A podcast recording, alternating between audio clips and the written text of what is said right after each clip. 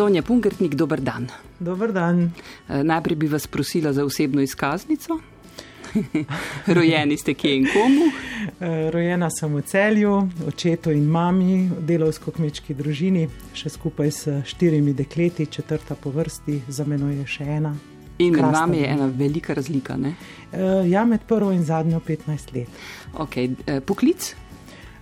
Uh, osnovni poklic sem profesorica defektologije, vendar ne delam v tem poklicu. Kasneje sem še potem malo dopolnila znanje z področja uh, psihoterapije in pa z področja uh, duhovnosti. Uh, ponavadi vprašam število kazenskih točk. Nič. um, potem vprašam število podrtih kegljev.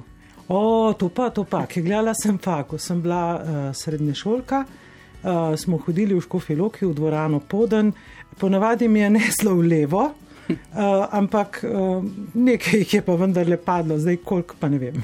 A to so uh, taka normalna keglišča? keglišča tudi za taki jih delimo videči? Dve, dve vrsti keglišč imamo. Eno je to običajno, se pravi stezno kegljanje, kjer seveda je en poseben način meta z mesta, brez zaleta, ne, da gre vsaj približno naravnost, pa ponovadi eh, tisti, ki ne vidimo, mečemo z obema rokama.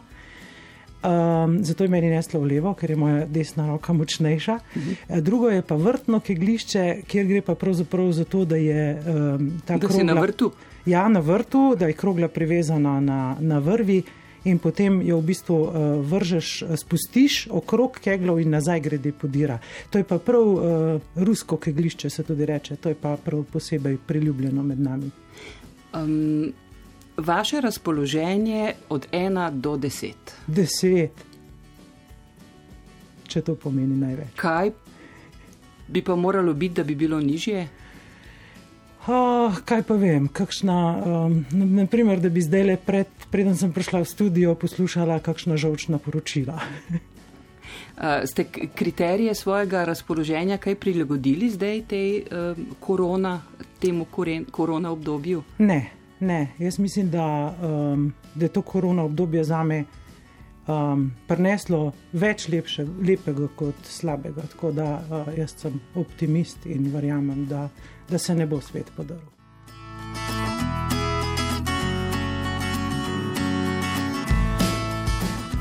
Sonja Pungertnik, profesorica defektologije, ravnateljica Ignacijevega doma duhovnosti v Ljubljani. Prej sem prebrala prometno informacijo, ki je imela pet vrstic. Koliko bi to v Brajci obsegalo vrstic? Joj, skoraj eno stran, recimo tri četrt strani. Ne vem, koliko bi bilo to vrstic, na pamet, ne vem, 15. Recimo. E, vi, kot slišim, ste zelo spretna in hitra bralka. E, bi lahko tekoče prebrali te stavke tako hitro? Mislim, tako, tekoče, tako tekoče, da bi bilo to sprejemljivo za radio, ne. Tako tekoče, da je sprejemljivo za me, pa ja. Uh mhm. -huh. A je pod prstom koliko črk v Brajci? Pod prstom samo ena, hkrati se pravi, berete samo kazalca. Um, čeprav se zdi, ne, ker sta roki položeni, da berejo vsi prsti, ampak eh, ne, berete samo kazalca in sicer desni kazalec, uh, bom rekla, nekako odpira, kaže smer, da je levi kazalec potem lahko hitrejši, prebira pa levi kazalec. Um, kdaj ste Sonja Pungertnik na zadnje sodelovali na Zoomu, Teamsih in, in kar je teh tehnologij? O, včeraj zvečer. Včeraj zvečer, ko sem imela skupino iz uh, Poljan nad Škofje Loko, oziroma še nekateri so pridruženi tudi iz drugih krajev, uh, smo imeli zelo lep tak duhovni večer. Zdaj ta tehnologija sklepam, da vam ni prinesla kakšne posebne zadrege, ker obvladate in rokujete z njo. Ne, pravzaprav, pravzaprav ni prinesla nekaj zelo novega, pa vendarle novega, zaradi tega, ker. Uh, predvsem zato, ker gre tudi za video povezavo, se pravi, ker, ker gre tudi za povezavo preko slike. In uh, ena pomembnih stvari, ki sem jo jih morala naštudirati, preden sem začela s skupinami, je bilo to, Eh, kako me drugi vidijo, kako moram imeti nastavljeno kamero, kako moram imeti pod kakšnim kotom uh, ta uh, monitor prenosnega računalnika. Uh -huh. kako naj imam prostor, iz katere strani naj pada svetloba in tako naprej. To so bile čisto nove stvari za me. Seveda, poleg tega, da se bo treba naučiti nov program, nekaj novih bližnjic in tako. Ampak slepim in slabovidnim je najbrž zdaj ta komunikacija novo uviro prinesla, ne? ker oduzet je zdaj, oduzeta je še ta sama prisotnost. Že očesni stik, ne, ki ga nimate, zdaj pa ta prisotnost, kaj tukaj najbolj pogrešate? Pravzaprav um, na, na nek način je to za nas celo prednost. Prvič, že zaradi tega, ker odpadejo uh, te poti, uh, ker odpadejo te uh, ovire potovanja in vsega tega, kar je za nas največja ovira. In iz domačega naslonjača nam je zdaj dosegljivo kar naenkrat vse. Uh, recimo, vem, če sem prej potrebovala z avtobusom uh, skoraj uro in pol iz enega drug, na drug konec Ljubljane, da bi se udeležila nekega predavanja, ali pa sem potrebovala nekoga, da me je pospremil nekam, kamor jaz pač poti ne poznam. Zdaj tega ne, ne potrebujem, zdaj kli, dva klika in to je to, in sem notri in lahko spremljam. Tako da moram reči, da sem tudi sama veliko bolj prisotna zdaj na kakšnih predavanjih, ki sem si jih prej želela. Pa se mi preprosto ni ljubilo, ali pa je bilo organizacijsko preveč zahtevno. Uh mhm. -huh. Kar se pa tiče uh, Ta koncentracija komunikacije. Ja. ja, seveda, jaz najbolj pogrešam ta dotik, ta uh, stisk roke, uh, objem, uh, ta, to prisotnost, to živo navzočnost ljudi. Uh, to vsekakor pogrešam. Ampak, kar se pa te čist praktičnega vidika tiče, je pa zdaj skoraj, za, za nas skoraj boljše. Ampak. Um, Če tudi pri osebnem eh, stiku vi ne vidite mimike in, in gestikulacije človeka ne, in podpore telesa pri govoru, to čutite? Ja, to se zelo čuti. Uh, naprimer, en primer. Um, Enkrat mi je ena gospa rekla, uh, pod, ko, ko je že nekaj časa hodila k meni na, na pogovore, uh, je priznala in rekla: Veste, rekla, zdaj vam že upam po pravici povedati. Rekla, jaz sem vas zbrala zato, ker imam zelo slabo telesno samopodobo ker imam občutek, da me ljudje vedno presojajo po zunanjosti. Rekla in sem se za vas odločila, zato, ker, uh, ker sem mislila, vi me pa ne vidite in me ne boste potem sodila. Ampak je rekla in sem se tako zelo uštela. Je rekla, jaz sem takoj, je rekla, že po drugem srečanju sem točno vedela, da vi veste, koliko jaz tehtam. A to je po dotiku takoj? Ja. ja, na nek način po dotiku eh, tudi glas eh, prihaja drugače, obliko, ako ne rečem, drugače zveni iz uh, obilnejših ljudi, kot pa iz suhih, recimo, ne? Iz starejših spet drugače kot pri, pri mlajših in tako naprej. To verjetno tudi vi zaznate, samo mogoče niste tako pozorni na te stvari, kot smo mi, ker pač je to za nas vir informacij, ne? ki nadomesti tisto, kar pač oči ne vidijo. Ne? Vaš kolektiv so zdaj že dobrih deset let, pravzaprav večji del patri. Ja. In ta dom, ki ga vodite pod okriljem jezuitov, pomeni, da ste vi nadrejeni. Kako jih peljete, te gospode? ja. Se vam dobro zdi? no, to je zdaj tako. Ne? Se, nekako mi smo en tak kolektiv, ker se upam, ne čuti eh, te nadrejenosti v takem eh, smislu, pa vendarle, ja, neka odgovornost je na meni. Eh, moram reči, da, da sem imela na začetku kar mal. Uh, kar mal težav s tem, tako še, še zdaj to čist dobro ne vem, se mi zdaj mal drugačen odnos do teh patrov, kot pa do ostalih zaposlenih, uh, ampak ne, ker so me zelo lepo sprejeli in tako in tudi cenijo moje delo. Uh, cenijo mojo prisotnost tam, dajo veliko na mojo besedo, jaz pa tudi na njihovo, tako da kar lepo funkcioniram. Ampak na začetku, ko sem prišla, ko še pa nisem bila v tej vodstveni vlogi, pa moram reči, da, da mi je bilo pa kar zoprno, sploh zato, ker sem bila takrat še, še edini lajk v takem kolektivu, zdaj nas je več, a naj ne malo lažje. Um, in potem smo se hecali, da sem sneguljčica in sedem palčkov. Vi ste pravzaprav izjemno zanimiva kombinacija v, v, v tem okolju, bi rekla, ženska, eh, kar v katoliški cerkvi ni tako zelo običajno, eh, iz vrst lajkov, ne, eh, pa slepi. Drži. Po katerem vrstnem redu so sledili presenečenje? Ja, ja. ne vem. Uh, še sama se večkrat vprašam, to se mi zdi res eno tako, kar je tako, na rekovaj, čudežno, da sem jaz tam. Um, ne vem, po katerem vrstnem redu so zbirali. Um, je pa res, ne, da uh, kapo dol, pogumni so.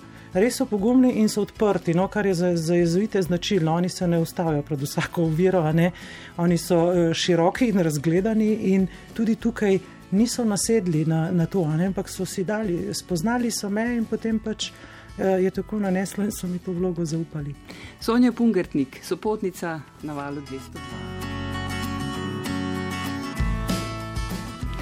Sonja Pungertnik, profesorica defektologije, vodja Ignacijevega doma duhovnosti v Ljubljani. Leto dni bo kmalo, kar živimo v posebnih razmerah in marsikoga je to obdobje opremilo z novimi spoznanji, s potrebo, da je treba na novo definirati svoje življenje, spremeniti prioritete in tako naprej. A vas to kaj preseneča? Mm, ne, Ne, pravzaprav ne, zato ker je to res tako zelo uh, nova uh, situacija za človeka, ki nekako se mi zdi, da je človeštvo mislil, da nas nič več ne more ustaviti, da nas nič več ne more uh, na nek način zavreti, da, da nam je vse mogoče, pa vendar se je našel nek čisto mehen virus. Um, Ki nas je ustavil in me ne preseneča, in me tudi ne preseneča. Tako vidim, da nekateri ljudje um, gredo v vase v pozitivno smer, um, drugi žal tudi v, v negativno. Tako da uh, ne. Marsikdo je spoznal, uh, kakšne družine, tudi uh, z, z otroki, uh, da so preobremenjeni, da pravzaprav tudi že prej nekako niso znali funkcionirati kot družina, kaj šele zdaj, ko so toliko časa skupaj. Ne? Uh, ja, jaz mislim, da je tukaj res preizkušnja, predvsem preizkušnja uh, odnosov in pa preizkušnja, koliko kdo zmore biti sam seboj, sam seboj in z družino. Eno je sam seboj zaradi tega, ker se pojavljajo zdaj uh, v, v človeku številna uh, življenjska vprašanja. Ne? Se pravi, na eni strani vprašanje zdravja, vprašanje uh, prihodnosti in tako naprej. Se pravi, odpira se strah in vse to. Uh, človeka spravlja v neko situacijo, v kateri uh, pač vsaj, vsaj v taki množičnosti še nismo bili, um, naša generacija. Uh -huh. uh, torej, druga stvar je pa to, ne, da so na preizkušnji odnosi. Tam, kjer so bili odnosi trdni, so se zdaj lahko še bolj povezali. Tam, kjer so pa odnosi bili razsuti, je pa seveda kar naenkrat težko najti tisto uh, skupno rdečo nit. Um, in, in, in pravzaprav biti skupaj tako različni, ko se nekateri med sabo niti ne poznajo. Ne. Kaj menite, da bi lahko eh, bili ste tudi učiteljica tri leta v Zavodu za slepe, tudi mama ste? Kaj bi lahko izobraževalne ustanove potegnile dobrega iz, iz te situacije? Hm. Ja, jaz mislim predvsem to, da, eh, da, da bi otroke naučili ne, te, te prilagodljivosti, ne, da ni samo po sebi umevno, da, eh, da imamo vse, kar imamo, in da ni po samo po sebi umevno, da je vse čas takšen red. Meni je bilo zelo fino, ko je eh, Marko Juhant preprosto rekel: če je šola odprta, pojdi v šolo, če je šola zaprta, ne pojdi v šolo. Mi pa se mi zdi, da smo iz tega naredili eno celo znanost. In predvsem se mi zdi, da bi morali odrasli tukaj v odnosu do otrok uh, pomisliti na to, da pravzaprav mi širimo tisto paniko, da otroci niso tisti, ki so, uh, ki so tako zelo prizadeti v tej situaciji, ker otroci so prilagodljivi, ampak varni se morajo počutiti ob nas. Mi pa se mi zdi, da jim pogosto te varnosti uh, ne dajemo. In jaz mislim, da ni problem v šolah to, uh, da morajo zdaj biti. Eh, malo bolj v svojem razredu, da morajo nositi maske, da se morajo držati nekaterih ukrepov. Ne, ni problem to, bolj je problem klima. No? In se mi zdi, da tudi če bi ta trenutek malo popustili na, na samem izobraževanju, malo na tem trpanju znanja in se mečkam bolj poglobili v, eh, v odnose, da bi otrokom ustvarili nekaj lepega. Eh, kaj pa je eno leto izgubiti napram 80 letom? Mislim, jaz tukaj gledam bolj na kvaliteto kot na kvantiteto. Kaj pa starši, ki že tako najdejo um,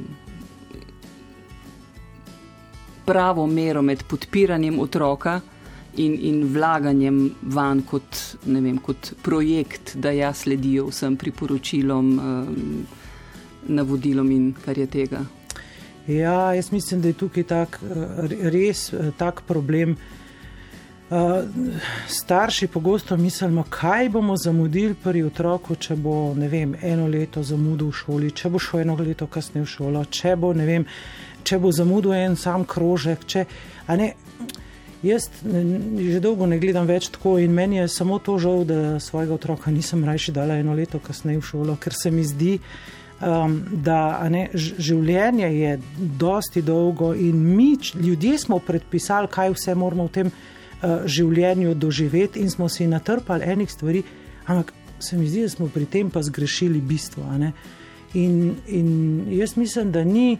Uh, Že, že to, ne, da se zdaj otroci počutijo osamljeni, da se počutijo zapuščeni, da, da tavajo, da so eni kar, uh, tako kot pravijo, ne kar malo apatični. To, to kaže na to, da, da so bili prej tako natemperani in da je zdaj pomankanje tega in je ratala praznina. In to, tukaj se mi zdi, no, da bi se morali iz te korone um, kaj naučiti in znati ustaviti. Nas je ta korona na vse zadnje spomnila in opomnila tudi na to, da je življenje krhko, česar se bojimo. Ne, tem ne, o tem se ne pogovarjamo, ne o minljivosti, o spremembah. A so s tem, s, s tem strahom podkleteni tudi naši predsotki in obnašanje do ljudi z drugačnimi potrebami? O, mislim, da zelo. Uh, jaz mislim, da je današnji človek uh, tako uh, prepričan, da je sam sebi zadosti, um, da predvsem vsak stavi na se, ne, uh, na to, na to um, neko rivalstvo, gradnja neke karijere. Otroka je treba že v osnovni šoli upremiti, da se bo znal boriti za svoje pravice in tako naprej. Vse čas se borimo za neke. Eh, pravice in ne vem kaj, ampak to je na, na nek način, jaz mislim, da je to beg pred, pred samim sabo.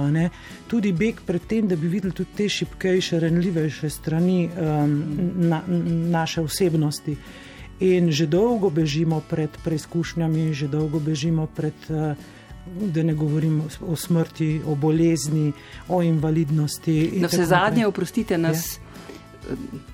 Ljudje z drugačnimi potrebami, tudi bolni in, in stari, nekako spomnite na to, ne? na to nemoč, da bomo enkrat odvisni, da, bo, da smo krhki, česar si ne želimo. Ne?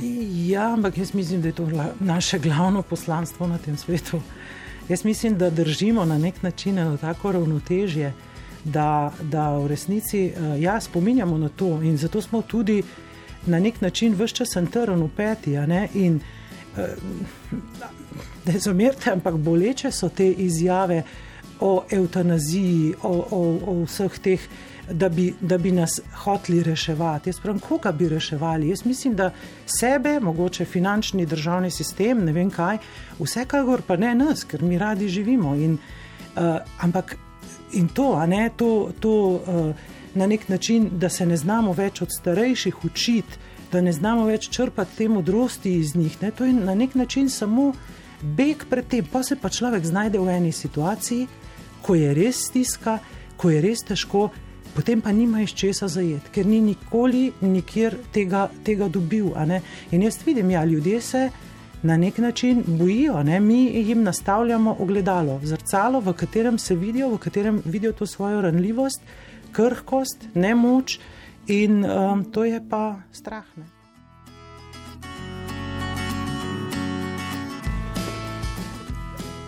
Sonja Pungrtnik je velik del poklicnega življenja namenila skrbi slepih in slabovidnih, sodelovala pri oblikovanju zakonodaje za invalide, zdaj vodi Ignacijo Dom duhovnosti v Ljubljani, je profesorica defektologije in sopotnica na valu 202. Kako se počutite? Odlično. Še kakšno kavo? E, ni potrebe, bravnač mi ne gre na spanje. Kako daleč smo Sonja Pungrtnik kot družba, ki bo znala preseči to drugačnost sočloveka, kakršno koli pač, in jo nekako zaobjeti in v celoto osebe. Da jo, da jo vidimo v prvi vrsti kot osebo in šele potem kot osebo brez vida. Mm. No, besedno smo mogoče že zelo daleč, v dejanjih pa jaz mislim, da še, še ne tako zelo daleč. Ne? namreč vidim v zadnjih letih tako, en tak trend, ne, um, da se veliko govori o tem, da je postalo vključujoče celo goro zakonov, imamo celo goro predpisov, uh, prilagoditev in vsega tega. Ja, to je res, veliko se govori. Ampak vendarle, na drugi strani se mi pa zdi, da, da s tem pa obstaja ena druga nevarnost, da bomo pa na nek način spregledani. Kar pa seveda spet ni res, zato ker imamo določene drugačne potrebe in o teh potrebah uh, moramo govoriti, če hočemo vedeti, da jih imamo. Se pravi, ne moramo kar vseh ljudi metati v isti koš. Uh, in, uh, in s tem, ko izenačujemo uh, pravice, pogosto po, pohodimo tisto individualnost človeka. No? In tukaj se mi zdi, da, ne, recimo, ne vem, če povem čist primer. Ne, Ko sem včasih prišla na, na lokalno avtobusno postajo Ljubljanskega prometa, so se vsaj vsi ozrli vame, mogoče me je še celo kdo govoril, vprašal, uh, rabite pomoč in tako naprej. Danes pridem na avtobusno postajo, vprašam, oprostite, katera številka je to, se me praktično nihče več ne sliši, že zaradi tega, ne, ker imajo slušalke gor ali pa ker se bojijo uh, izpostaviti pred drugimi to, da imamo na, na nek način, da je kar vse kar narobe in da kar naprej bedimo nad tem, kdo bo kaj narobe naredil in ga bomo hopsnili in bomo eh, to javno povedali in ga oblatili in kaj. To se mi zdi, da je tudi pri ljudeh naredilo eno celo tako sceno. Se pravi, če me bo zdaj se kdo dotaknil, ga bom pa jaz že kar tožila za spolno zlorabo, ker se me dotika. Mislim, tukaj se mi zdi, da smo šli kot družba predaleč in da, da smo sami sebi dali štrik za vrat. No, ta, ta družbena naravnanost, ki želi fit in zdrave in mlade in srečne, ni v pomoč. Ne, ne, ni v pomoč, zato ker nikoli ne more biti družba samih zdravih, mladih in srečnih, ker je vedno tudi družba starejših, razen če jih bomo na silo odstranili, kar pa jaz mislim, da da, da bom spet v svojo škodo. E, mislim, ne, če tako zdaj. Ampak nikoli, ne, vedno smo si različni in namesto da bi v tej različnosti iskali uh, tiste uh, točke povezovanja, ker. Zakaj gre sta dve kocki skupaj? Zato, ker sta različni, ker ima ona čepke, ena ima pa lukance, da jo lahko postaviš na drugo. Ne enaki, ne moramo biti uh, enaki, pa vsi enako sposobni pa tako naprej. Sej, se pravi, v besedah je to dovoljeno, ampak v dejanjih pa še ne. E, kaj pa tudi vi sami se najbrž ne hote ujamete v vrtinec nenehnega dokazovanja, ker enakega izhodišča v družbi nimamo? Ja. Ne? To, to utrudi človeka. Zelo utrudi. Zelo utrudi in sama sem porabila pol svojega življenja, ima več kot pol svojega dosedanjega življenja. Uh, zato in cela leta so šla, preden sem uh, na nek način spoznala, da je dovolj, da, je kar se, da, da sem to, kar sem in da smem biti to, kar sem. In da, in da je celo prav, da sem to, kar sem, ker šele če sem to, kar sem, lahko dam družbi nekaj, kar ne more dati nekdo drug. Ampak do tukaj prid je bil pa proces. In že v osnovni šoli so na vse čas govorili, da ja, vi kot slepi se boste morali v življenju bolj dokazati. Ja, žal, vse to je res. Jaz vedno pravim tako, ne? moje izhodišče v primerjavi z nekom, ki vidi, recimo, pa ima recimo, podobne sposobnosti kot jaz, podobna znanja kot jaz, ne? je minus 20. Ne? Jaz moram najprej priti do nič, da potem lahko šele. Ne? Ampak kako naj jaz na enem samem razgovoru za delovno mesto? Pridem iz teh minus 20 do nič, če moj delodajalec že, za, že vnaprej eh, eh, ima v glavi cel kup stvari, ki jih jaz ne zmorem, še preden mi je sploh dal možnost, da jaz lahko poskusim.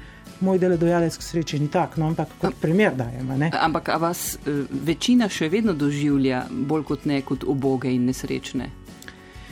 Uh, ja, predvsem, ja, seveda, na, na nek način, sej po svoje je to razumljivo, tega, ker nas vsak gleda iz svojega zornega kota. In če si vi zdaj predstavljate, da, da, da vam vzamejo oči, a ne torej vid, a ne. Ja, v resnici bi bilo to težko in bi bil to šok. In je to uh, ena strašna reč za tistega, ki se mu to zgodi. Ampak potem pa obstaja cel kup eh, prilagoditev, adaptacije, eh, časov zdravi, človeš, človekova osebnost to zmore narediti. In uh, človek slejka prej potem iz tega ven uh, izplava. Ne? In zato, ker človek nekako sodi po sebi, zato smo še vedno nekako uh, v družbi tretirani kot. Um, Kot ubogi, predvsem pa kot nesrečni. Ne? Vas, nek, oprostite, ja? vidimo pravzaprav v okolju, ki je prilagojeno nam ne? in tam ste videti najbrž vendarle malo bolj zgubljeni kot v svojem. To, to, točno to. Predvsem pri slepih je tako. Uh, če vi mene vidite v domačem okolju, boste težko sploh verjeli, da v resnici nič ne vidim. Ne? Če sem pa jaz tukaj, zdaj le v vašem studiu, prvič, ne vem, ne, uh, nič, sem pa v bistvu res videti neboglena in se res človeku potem lahko uh, zasmilim. Ampak treba je vedeti, jaz sem se tega navadila, jaz s tem računam, da sem takšna. Ne? In tukaj me lahko dopolni nekdo drug. In to je tisto, kar je, kar je fajn. Uh, je pa res, ne, da, da predvsem pa še bolj kot uboge nas imajo za nesrečne, se mi zdi. Srečen pa res ne moreš biti, če ti nekaj fali. Ne? Ampak... Nora Jones prihaja, Sonja Pungertnik, da jo ne bova pohodili, prav?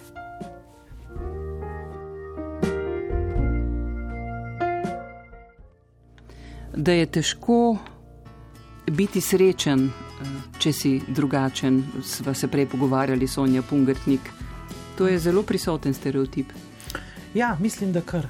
Ker, ker se ljudje nekako, eh, ko se znajdemo v neki situaciji, recimo bolezen in to, eh, seveda takrat nismo ravno srečni. In jaz tudi priznam, da me kakšna bolezen ali pa kakšna trenutna življenjska situacija bolj spravi stira kot pa to moje življenjsko stanje, ki sem ga nekako navajena in sem ga udomačila. In uh, tako se mi zdi, da pozabljamo, da, da sreče v človeku ne more prenesti izpolnjevanje nekih družbenih norm, ki jih je ta družba dala. Se, če bi pa v kakšnem drugačnem okolju živeli, uh, bi pa mogoče bile, bile čisto, druge, čisto druge norme postavljene. Eh, sreča izvira iz, iz človekove notranjosti, ne? ali si sam zadovoljen s sabo ali ne. Uh, v različnih situacijah lahko dva človeka postavimo čisto isto situacijo, pa bosta dosegla čisto uh, različno uh, raven osebnega zadovoljstva. Kaj pa druga skrajnost, da vas vidijo kot vse mogočne, uh. da smo pretirano navdušeni, kaj vse zmorete? Kljub vsemu ni čisto preprosto, življenje z invalidnostjo. Ja, ja seveda, to je, pa, to je pa spet druga stvar, ko je pa v, v resnici. Uh, ko se nam pripisuje neke, neke nadnaravne sposobnosti, in tako. Uh, ja, ampak pač to, dokler mi ne škoduje, me to ne moti, če to nekoga spodbudi. Ne? Ker se mi zdi, da to to v resnici ob tem lahko človek najde kakšno spodbudo. Ne? Meni se je že zgodilo, da mi je, da mi je kdo naravnost rekel, uh, ko sem videl tebe, sem si mislil, pa če ti lahko, bom pa tudi jaz. In če je to to, potem kar naj bo tu prisotno. Če se pa mene nekako uh, poveličuje in predvsem ne maram tega, da je. Da je pred uh, neko uh, označbo človeka uh, še beseda slepne, slepi pianist, slepa igravka. Se ne rečemo diabetični pevec, ne? recimo pa ima verjetno veliko pevcev diabetes. Ampak ste pa vi vendarle v svoji skrbi eh, za slepe in slabovidne. Delali ste v zavodu za slepe, tam ste bili zaposleni v številnih medijih, nekako tlakujete pot k razumevanju. A se vam zdi, da si lahko malo pripišete vi in, in, in drugi, ki se izpostavite in nam pomagate na nek način tudi skozi take pogovore, da smo že malo bližje tistim časom, ko so mame, ki so zdaj v porodnišnici in, in rodijo, deležne večjega zaupanja, kot ste denimo bili vi. Ja, jaz upam, da, da je temu tako. Um, je pa še vedno tisti oseben stik, ki mora biti. Ne, mi dve lahko tukaj zdaj govorijo, pa si mogoče marsikdo misli, ja, pred mikrofonom. Ne? Uh, ne, vem, ne vem, koliko ljudi tem našim besedam verjamejo. Jaz mislim, da je oseben stik še vedno tisti, ta, ta, ta najboljši. In da m, je pa res, ne, da smo tudi mi med sabo zelo različni in tudi različno sposobni. In zato uh, ne, bi, bi delali tudi. Uh, uh, krivico, če bi vse metali v, v isti koš. Tako da včasih je meni Mm, dobesedno ne vem, ali s tem, ko tako le govorimo, naredimo več koristi, ali celo mogoče več škode, ker ljudje potem preveč razmišljajo o tem, kako naj se do nas vedejo in kako mm. se lahko in kako ne. Preprosto, tako naravno, kot je dala narava. Jaz temu pravim zdrava, kmečka pamet. Vprašaj, tako govori. Je, tako je, tako je. Prav naš drugač, naš drugač. Ampak vendarle, kdaj, kateri so trenutki, ko vam okolica v resnici ni bila v pomoč, oziroma je celo poglabljala vaše dvome, ko ste bili že tako negotovi? No, gotovo je bilo to. Uh, Gotovo je bilo to par takih trenutkov v življenju. Ena je uh, gotovo rojstvo otroka, ne? ko nekako prav začut, ko sem začutila, kako je uh, socialno skrbstvo kar naenkrat postalo pozorno, uh, če bo naša družina potrebovala pomoč. Ne? In jaz nekako vem, da mojega sina vse čas gledajo nekako tudi skozi te oči. Uh, in uh, tudi v osnovni šoli, ne, ko so mu naprimer rekli, uh, že otroci v prvem razredu, a ti se pa ne boš mogel tako dobro učiti, zato ker tvoja mama je slepa. Uh, lahko si mislite, da sem šla takoj v, v šolo in prepovedala take izjave, uh, da je to otroku. Meni men je že zdaj vseeno, kaj slišim. Za otroka mi pa ni bilo vseeno. In pravzaprav, ja, če, je, če, če, če, bi, če ima moj otrok težave, jih ima v luči ljudi, zato ker pač jaz ne vidim. Ne? In to, to so pa tiste boleče stvari, se mi zdi, da pri uh, otroku še toliko bolj kot. Kot pa jih potem sam na lastni koži doživljaš. Jaz imam že trdo kožo. Nohte si zdaj že sam postriže, ne? ker je bila to, slišim, edino, edino česar niste zmogli sami. Ja, ko je bil mečken, to pa res. Nohtko pa nisem strigla in še danes mi je žal, da nisem delala seznama vseh tet in ne vem koga vse, ki so mu strigli nohtke, ker kdo je k nam prišel, uh, je dobil škarice v roke, če je bil le dovolj spreten. Sonja Pungertnik, sopotnica na valu 202. Sonja Pungertnik je profesorica defektologije, zdaj sopotnica na valu 202 asociacijo za besedno zvezo Nova Cerkev, vas prosim. O, čudovito otroštvo, dobri ljudje, moji domači, njive, travniki. Mm. Ljubljana. Uh, nujno, nujna preselitev, sicer pa zdaj jo udomačujem počasi. Nova crkva ali Ljubljana? Uh, nova crkva. Ampak potem, ko ste ugotovili, da je Bog tudi v Ljubljani, se je ljubezen ukrepila do Ljubljane? uh, ja, moram reči, Ljubljana mi nudi več možnosti, uh, srce je pa v novi cerkvi še vedno nekako. No? In če bi lahko ne bi živela v Ljubljani, bi se mogoče vozila odkje, tako mi je pa praktično tukaj. A je to anekdota, da ste mislili, da. Ne, ne, ne, to je bilo res. To je bilo res. Doma, doma sem, sem nekako izhajam iz katoliške družine v Ljubljani tega ni bilo. In ko so mi starši uh, predlagali, da bi obiskovala v Ruk, sem rekel: v Ljubljani Boga ni. Dokler nista dve prijateljici nekega večera v internatu skupaj molili, sem jih našla in sem presenečena ugotovila, da Bog tudi v Ljubljani. Ste videli, da ste živeli v zmoti. Tako je. Če rečem konkurenca, tekmovalnost. O, konkurenca. A ste kdaj že komu bili? Konkurenca. Joj, žal, mislim, to je pa, to je pa, to je pa veliko krat. Bog ne daj, da si kot uh, invalid, kot v tem primeru kot slep, boljši od koga od videčih.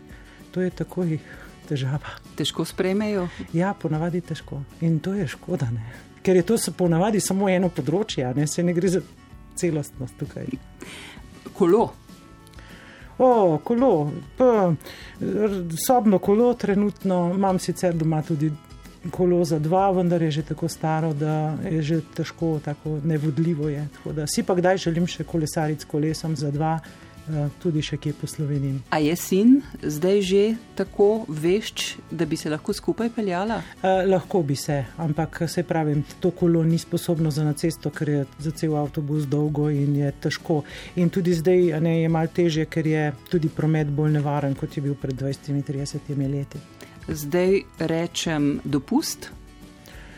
Uh, dopust. Ne hodimo daleč na dopust. Uh, moj največji dopust je, no, dobro, eno je z družino, ponavadi kakšen tak oddih, uh, v resnici oddih, mi ne hodimo na potovanja, nismo taki sorte ljudje.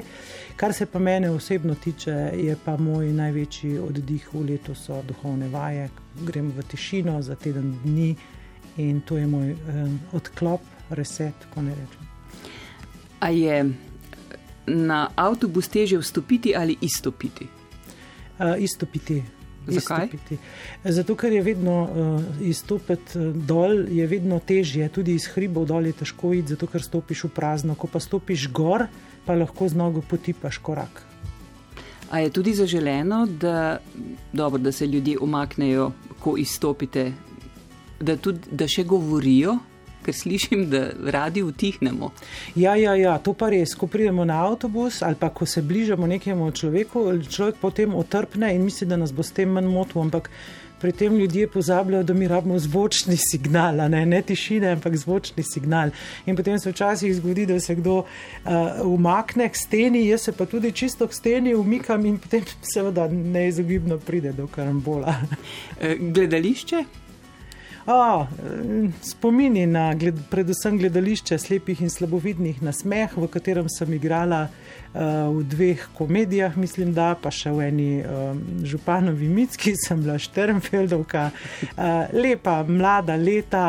Uh, ko smo gostovali po Sloveniji in razveseljevali ljudi. Lepa mlada punca sem predvidevala, da boste rekli. Kako, kako se vam zdi pomembno, da, do, da ste dobro videti? Uh, ja, kaj pa jaz vem, bolj zaradi drugih kot zaradi mene, predvsem zaradi tega, ker me je vedno strah, da bo nekdo rekel, da sem vem, šlampasto oblečena, umazana, nepolikana, zato ker ne vidim. Ne zato, ker sem lena, ker sem zanemarjena ženska, ampak zato, ker ne vidim tega, pa res ne maram, zato se pa rajš uredim. Zdaj rečem luč v temi. Je luč v temi je vdaja, ki jo že skoraj 25 let vodim na Radio Ognišče. Vdaja s tematiko življenja in dela slepih in slabovidnih, preko kaj, 400 oddaj je že nastalo. Kaj je bila najbolj odzivna tema, tako na hitro? Jo, ne vem, najbolj odzivne so življenjske zgodbe ljudi. Vi ste specialistka za odpuščanje, slišim. ja, ja, Povejte mi v tem Ignacijevem domu, ki ga vodite, je. Poznate vse metode in tehnike, ki so v pomoč, kako odpuščati? No, trudimo se, trudimo se, zaradi tega, ker vidimo, da ne, ljudje, ljudje smo upeti v neke zamere, ki nam preprečujejo, da bi šli naprej. In če človek vleče za sabo neko prikolico nekih zamer, uh, je, to, je to breme, ki ga, ki ga na nek način ne pusti živeti. Ne? In zato je šola odnosov in odpuščanja ena lepših stvari, ki sem, so se mi zgodile v življenju, kjer pomagamo ljudem na tej poti, skupaj rastemo, pravzaprav ljudje poglabljajo svoj odnos do sebe, drugih, bližnjih. Kaj so najpogostejša bremena, ki nas tiščijo? Kaj je najpogosteje tisto, kar bi želeli uh, odpustiti? Predvsem zamere. Predvsem zamere. Dobro, so tudi te težke situacije, kot so zlorabe, uh, in te, te eh, v resnici kašne ne vem, nesreče, ki so se zgodile in tako naprej. Ampak eh, tisto je nekako razumljivo, da človek ne, zaznamuje človeka in, in to še nekako razumemo. Ampak te vsakdanje zamere, ne, ko preprosto človeku zamerim samo zato, ker mu pač zamerim, ker ni bilo nekaj po moje. In se mi zdi, da to da, pri, da, da se ne moramo odpovedati našim pričakovanjem, kako bi mogli drugi ravnati. Tako. Predvsem pa odpuščanje sebi. Je vedno sebi mogoče veliko. odpustiti? Komu? Je vedno mogoče odpustiti? E, ne, ni vedno mogoče odpustiti. Odpuščanje je končno tudi milost. Mi se ji pač moramo odpreti. To je kot en dar v bistvu. E, tako kot smo talentirani za različne stvari, tako smo tudi za odpuščanje. Enim je to bolj domače, lažje vržejo stvari čez ramo, drugim ne. Kaj, oprostite, vi ja? najtežje odpustite? Kaj jaz najtežje, najtežje odpustim? Ah, težko bi rekla. Um, kaj ste najtežje odpustili? Hm. To je pa, to je pa zdaj, tako, z, z, zdaj le mi pravzaprav noč ne pade na misel. Naj, najtežje je mogoče tiste uh, nam, namenske, um, ko, ko, nekdo, ne, ko mi nekdo namenoma povzroči neko bolečino iz nekega maščevanja ali pa nekaj takega, mogoče to. No.